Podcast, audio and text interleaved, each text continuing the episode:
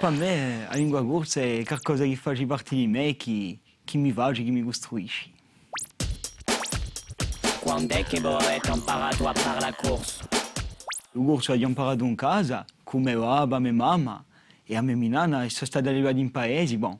E eles prepararam o gordo, só de uma família e hortulani, e fortuna que eles me mandaram essa língua quando eu era de Hugo. Eles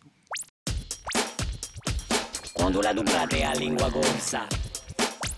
Beh, eh, da sera, in casa fuori, perché ho la chance di avere assai amici di noi che parlano, amici che erano in scuola, che ho conosciuto cantando, perché ho questa passione di canto, di canto e il più possibile, anche telefonando, sms è sempre in corso, è naturale.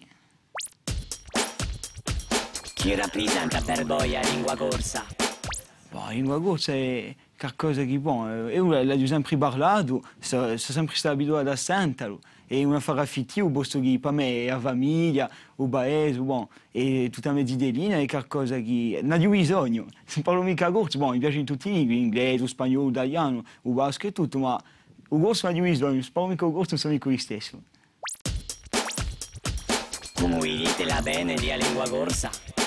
Bon, spero, cioè spero come tutto il mondo, eh, a un livello di istituzioni, di politica, cioè a cioè, continuare a lottare perché il corso diventa ufficiale, penso che è una condizione quantunque qualcosa di importante che, da, che aiuta a, a salvare la lingua, ma penso io che c'è più coscienza che per, salvare il corso già praticarlo. Anche cioè, che c'è vergogna, cioè che aveva vergogna di parlare, cioè provare, provare e così, che si che prova sempre a, a parlare bene obbligato, voilà. e dopo diventa un piacere.